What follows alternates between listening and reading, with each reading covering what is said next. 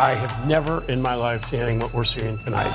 We've seen in a 72 hour period Joe Biden go from being a joke to a juggernaut. Thank you, thank you, thank you. Welkom bij Björn in de USA in de Amerika Kiest versie, de podcast waarin we dit jaar de Amerikaanse verkiezingen op de voet volgen. Ik ben Thomas de Graven en uiteraard is onze man in de States er ook bij. Dag Björn Soenes. Dag Thomas, goedemorgen, middag. ja, loopt altijd voor één. Um, het is een gekke week geweest. Hè. We hebben uh, heel veel om over te praten. We zullen er meteen aan beginnen. All right.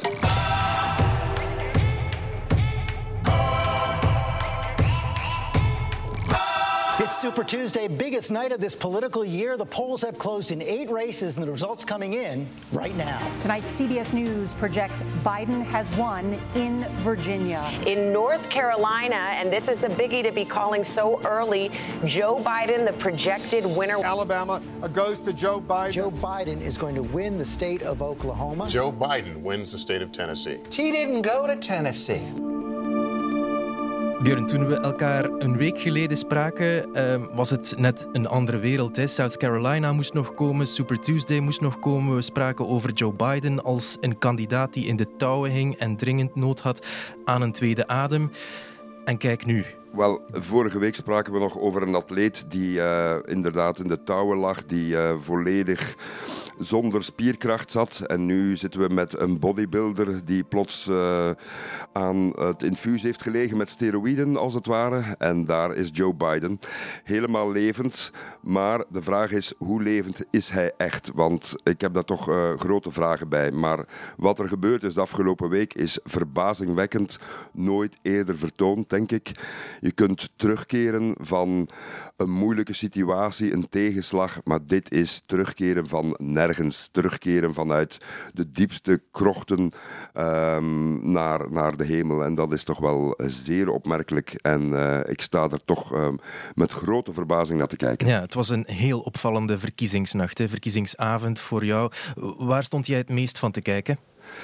Wel, ik stond er meest van te kijken dat uh, al die stemmen, die, die, het besmettingseffect waarvan sprake was, al die stemmen die richting uh, Klobuchar, richting Buttigieg zouden gaan, um, dat die allemaal richting Biden gingen. This is something of a surprise. Joe Biden has won the state of Minnesota. Of course, that was Senator Amy Klobuchar's home state. She dropped out of the race yesterday, endorsed Joe Biden, and look what has happened. It's a state in the north, a state that neighbors Wisconsin, which is a key primary down the road. There's no good news at all for, Bernie. Daar waar Bernie Sanders hoopte op een grotere opkomst van zijn basis, dus meer jongeren naar de stembus, meer Latino's naar de stembus, um, meer hoogopgeleide jongeren naar de stembus, dat net het omgekeerde is gebeurd, dat de opkomst juist vergroot is in die groepen die normaal gezien meer gematigd stemmen, uh, de mensen van de suburbs, en dat die hebben gezorgd uh, voor een klinkende overwinning, want zo je kan het niet anders zeggen dan een klinkende overwinning voor, uh, voor Joe Biden. Dat is toch wel het meest opmerkelijke. He is winning states that he did not actually even attempt to win. People, uh, Democrats, are so focused on who can beat Donald Trump. Overwhelmingly, poll after poll indicates who can beat Donald Trump is more important to voters than supporting a candidate that they actually believe in or that shares their, their values and their, their priorities and their principles. Maar de vraag is, hoe electable is hij? Elke peiling toont altijd dat, dat Sanders het uh, zou halen van, van Trump. Maar ik denk dat mensen bang zijn, en dat is de basispremisse uh, van de mensheid, denk ik, bang voor verandering. Uh, en dat veel mensen daarom gedacht hebben van we moeten nu voor Joe Biden stemmen, want hij is een sympathieke man, hij is de van, van Trump, hij is beleefd, hij is meelevend, hij vertelt altijd verhaal over zijn, zijn uh, overleden zoon, over wat hem overkomen is in de jaren zeventig, toen zijn eerste vrouw en, en zijn andere kind omkwam in een ongeval. Dus ze kunnen zich nogal um, associëren met de sympathieke ome Joe. Uh, en dat is wat er gebeurd is. Maar het is natuurlijk een enorm risico dat de, het establishment het partijcentrum genomen heeft met Joe Biden. Want als je hem ziet op het podium en hij spreekt, dan blijf je toch altijd nu en dan het gevoel hebben: haalt hij de eindmeet? Uh, haalt hij die race? Kan hij die race aan tot november? Just a few days ago, the press and the pundits had declared the campaign dead. And then came South Carolina. They say about it? And we're told, well, when he got to Super Tuesday, it'd be over. Over for guy. Aan de andere kant moet Bernie Sanders misschien ook wel eens in eigen boezem kijken, hè? want je haalde het al aan. Hij zei altijd: we gaan het winnen door nieuwe groepen kiezers aan te spreken. De Latino's, de jonge mensen, die gaan naar de stembus trekken en die gaan ons de overwinning schenken. Het is niet gebeurd, hè? Het is niet gebeurd en we weten niet precies hoe dat komt. Het heeft er natuurlijk wellicht ook mee te maken, die lawine en die dramatische ontwikkelingen één dag, anderhalve dag voor Super Tuesday, dat veel mensen ja, misschien ook zijn afgeschrikt en, en gevoeld hebben van oei, um, het is heel duidelijk dat de, dat de partij zich weer verenigt rond één kandidaat, Joe Biden. Dan heb je nog die Mike Bloomberg, maar kijk, die, die was eigenlijk al min of meer afgeschreven vooraf na slechte debatprestaties en niet echt het, uh, het lievelingetje van de meeste democraten, omdat hij misschien niet eens een democraat was of is. Um, misschien heeft dat schrik-effect meegespeeld, dat mensen zeggen van kijk, er zal toch niks veranderen. Wat voor zin heeft het dat ik naar de stembus ga? En twee, inderdaad, kritisch punt tegenover Bernie Sanders, dat is wat hij nu zal moeten doen in de komende uh, weken, in de volgende voorverkiezingen, uh, de hand reiken naar meer gematigde uh, kiezers, uh, mensen geruststellen. Misschien moet hij niet voortdurend benadrukken dat hij een socialist is, maar eerder een sociaaldemocraat of een kapitalist met een menselijk gezicht. Soms ligt het aan de woordenschat waar mensen door uh, afgeschrikt geraken. Maar je merkte het al op. Um, op de rallies ook, dat hij, dat hij minder agressief was, minder agressief sprak, minder luid sprak. You cannot beat Trump with the same old, same old kind of politics. So we're going to beat Trump because this will become a contrast in ideas. One of us in this race led the opposition to the war in Iraq. You're looking at him. Maar ja, de vraag gaat zijn hoe hij dat eh, zal klaarspelen in de, in de komende tijd. Want de volgende voorverkiezingen komen er al aan. En dat is heel belangrijk voor hem om dat momentum van Joe Biden daar een beetje te keren. In staten als Michigan, die hij vorige keer gewonnen heeft van Hillary Clinton, uh, North Dakota ook, um, dat, dat hij die stemmen binnenhaalt. Want als hij psychologisch daar weer het onderspit delft, ja, dan, dan mensen zien dat ook. En uh, op den duur neemt het enthousiasme nog meer af, want hij kan het niet halen, hij kan niet winnen. Net zoals in 2016. En dan, is de, uh, dan ziet het er niet zo goed uit voor hem. Ik wil het nog even hebben over de twee mensen die er nu uit zijn gestapt. Hè. Ten eerste Bloomberg. It's been what looks like a pretty disappointing returns on such a big investment, specifically targeting those Super Tuesday states. I mean, Bloomberg won the American Samoa caucus, but really hasn't done well throughout the rest of the race as we've been watching tonight. Teleurstellend resultaat, zeker als je weet dat hij bijna 600 miljoen eraan gespendeerd heeft.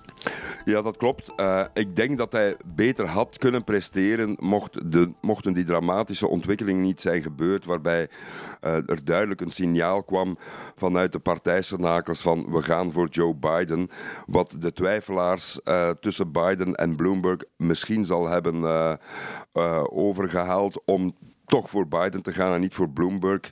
Een, een risico, een nieuwe kandidaat. Uh, wat hem ook de, de, de, de nek heeft omgedraaid, is natuurlijk ook de rol van Elizabeth Warren, die hem uh, zwaar heeft aangepakt in debat nummer 1. Iets minder efficiënt in, in debat nummer 2. Waardoor, weet je nog, in de vorige podcast, de, de ontdekkingsfase, dan de controlefase en dan de, de, de afgangfase. Wel ja, net op het moment dat hij meedeed aan zijn verkiezing op Super Tuesday, zat hij al in de decline fase, dus in de achteruitgangsfase. Um, plus die, die bijkomende gebeurtenissen waar um, kandidaten zich terugtrokken.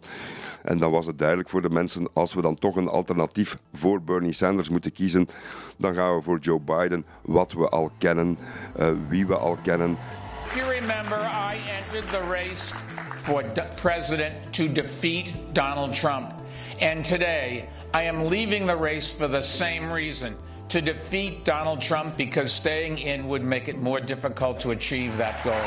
I've always believed, I've always believed that defeating Donald Trump starts with uniting behind the candidate with the best shot to do it. And after yesterday's vote, it is clear that candidate is my friend and a great American, Joe Biden. Bloomberg heeft nu wel gezegd dat hij Biden zal steunen. Dat wil zeggen dat die enorme geldmachine potentieel ook in het voordeel van Biden zal werken. Absoluut. Uh, hij mag op zijn beide oren slapen, Biden. Uh, zijn zorgen, zijn geldzorgen zijn voorbij. Nu, na zijn overwinningen op Super Tuesday zal het geld wel binnenstromen. Zo werkt dat ook in de Amerikaanse politiek. Als je wint, krijg je. Als je niet wint, krijg je niks. Uh, zo, zo werkt dat in de hoofden van de mensen. de vraag zal alleen zijn in hoeverre en met hoeveel liefde en passie zal Bloomberg die, dat geld inzetten. Ik denk wel dat hij bijvoorbeeld ook een grote staf heeft, een goed betaalde staf, die, die uh, de organisatie van Biden een beetje op punt kan zetten. Want dat was geen hoogvlieger, het was um, een vrij belabberde organisatie bij Joe Biden. Dus uh, als Bloomberg zijn geld inzet, en hij zal dat doen, want hij wil vooral dat Donald Trump uit het Witte Huis wordt verwijderd, dan en nog veel belangrijker zal zijn dat hij geld zal inzetten voor uh, allerhande races voor het congres, uh, voor de Senaat, voor het Huis, wat hij ook gedaan heeft in 2018. En toch uh, op die manier vele races in een beslissende plooi heeft doen vallen van mensen die weinig geld hadden, die het moesten opnemen tegen een republikein en het uiteindelijk gehaald hebben door het, het besprenkelen met geld om advertentieruimte te kopen op lokale televisie bijvoorbeeld. Um. I will not be running for president in 2020, but I guarantee I will stay in the fight for the hardworking folks across this country who've gotten the short end of the stick over and over. That's been the fight of my life, and it will continue to be so. Warren, zij heeft een, een dagje bedenktijd genomen, maar dan toch de beslissing genomen om er ook uit te stappen. Kon bijna niet anders meer, hè? Nee, eigenlijk niet. En ze had het eigenlijk, denk ik, als ze de race uh, wil beïnvloeden. En de vraag is één, we weten nog niet officieel um, of ze vierkant achter uh, Bernie Sanders gaat staan. Maar mocht ze nu Biden gaan steunen, ja, dan, dan denk ik zullen al haar supporters zeggen van waarom hebben wij naar u geluisterd en welke boodschap heeft u eigenlijk verkondigd. Um, Stel, ze gaat achter Bernie Sanders staan, of ze had achter Bernie Sanders gestaan voor Super Tuesday. Dat was een ander verhaal geweest natuurlijk. Ze stapt er nu uit. Sommige mensen hadden gehoopt dat ze nog zou inblijven tot 15 eh, maart, volgende debat om dan gehakt te maken van, van uh, Joe Biden en misschien weer ja, naar de kiezer want er zijn nog heel veel afgevaardigden te winnen. Te zeggen van kijk, liever een jongere vrouw, want ze is nog maar 70, uh, Thomas, dan die twee oudere mannen. En zij had het alternatief kunnen zijn. Daarom heeft ze ook wellicht lang gewacht om de race te verlaten. Omdat ze dacht, als het een verdeelde strijd blijft, kan ik nog als een derde hond in het kegelspel, als de, de deus ex machina, het witte konijn, naar voren komen. Ik ben een vrouw, ik ben iets jonger, ik ben aanvaardbaarder voor um, progressieven of gematigden als progressieve omdat ik een andere stijl heb dan Bernie Sanders en ik ben een betere debater dan Joe Biden. Dat moet de redenering zijn geweest, maar ze heeft natuurlijk geen pad voorwaarts. De druk zal zeer groot zijn. Uh, het geld neemt dan af. Ze had nog, nogthans veel geld opgehaald de afgelopen maand. Maar ja, als het zich niet vertaalt in, in kiesresultaten, je verliest je eigen staat, je verliest ook in de staat waar je vandaan komt, Oklahoma, ja, dan, dan dat is niet zo fijn uh, als pluim om op je hoed te steken. Het is namelijk uh, geen pluim. I was told at the beginning of this whole undertaking that there are two lanes. A progressive lane that Bernie Sanders is the incumbent for, and a moderate lane that Joe Biden is the incumbent for. And there's no room for anyone else in this.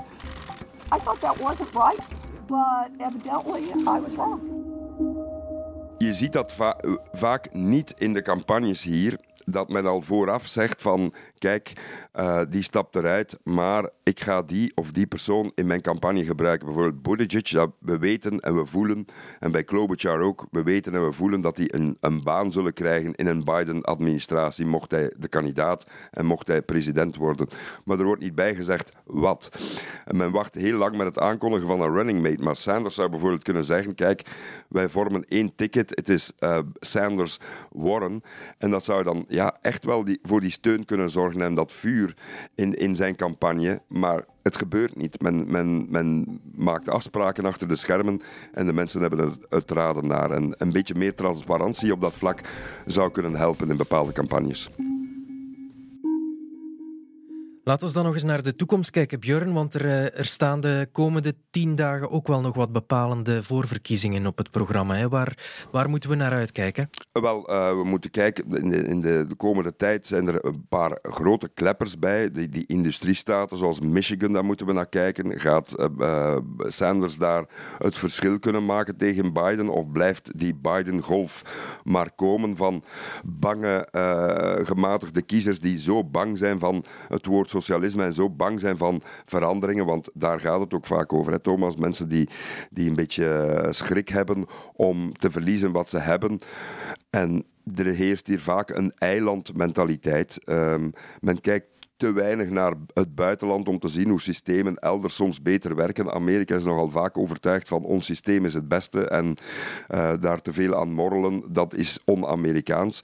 Dus we moeten kijken naar die industriestaten, uh, zoals Michigan. We zullen ook moeten kijken naar uh, Mississippi, wat geen status die de Democraten kunnen winnen op 3 november. Maar om te zien of Biden zijn momentum bij zwarte kiezers daar zo groot blijft. Um, de week daarop is met Florida te doen. Uh, Florida is toch een belangrijke staat. Daar wordt gevreesd dat Sanders klappen kan krijgen omdat er um, nogal veel Latino's van Cubaanse afkomst komen uh, wonen. Die, die ja, door zijn, uh, zijn Fidel Castro-opmerkingen. Voilà, ja. Maar je mag niet vergeten, veel van die ehm, mensen die ooit gevlucht zijn en tegen Fidel waren, de, de oorspronkelijke vluchtelingen ook, ja, dat zijn vaak republikeinen. Ik denk niet dat die massaal in de democratische voorverkiezingen een rol zullen spelen Um, dus die, die realiteit wordt vaak een beetje verdraaid. En we moeten erbij zeggen, in Florida wonen niet alleen maar Latino's uit Cuba. Er wonen ook heel veel andere. Was, was Florida ook geen staat waar Bloomberg erg goed scoorde? Uh, Bloomberg stond daar niet, niet slecht. En het rare is, Thomas, in Californië, Florida, Texas stond Bloomberg en Biden soms heel sterk in regio's met Latino's zonder opleiding. Dus de, de laag op. En daar speelt weer die factor, ze kennen die mensen. Van die Bloomberg, ah, daar kijken ze naar op. Een miljardair, een self-made man, de Amerikaanse droom waargemaakt. En die scoren dan beter. En, en uh, Sanders scoort vaak niet goed bij die mensen die hij net wil helpen. Namelijk de arme, um, uh, worstelende mensen. Nee, hij scoort goed bij Latino's die hoger opgeleid zijn die de politiek volgen, die um, ja, een beetje van de wereld weten, om het zo te zeggen. En dat, dat wordt het, de grote uitdaging voor Bernie Sanders. Kan hij het publiek waar hij iets voor wil doen, waar hij hun wereld wil verbeteren, kan hij ook die mensen naar de stembus krijgen en hen voor hem laten stemmen. Dat is uh, een hele rare realiteit soms. Voilà, het was een bewogen week, maar de strijd is nog niet helemaal gestreden. Er staan nog een paar bepalende momenten aan te komen. We zullen wel nog dingen hebben om over te praten, Björn. Dankjewel. Dag Thomas.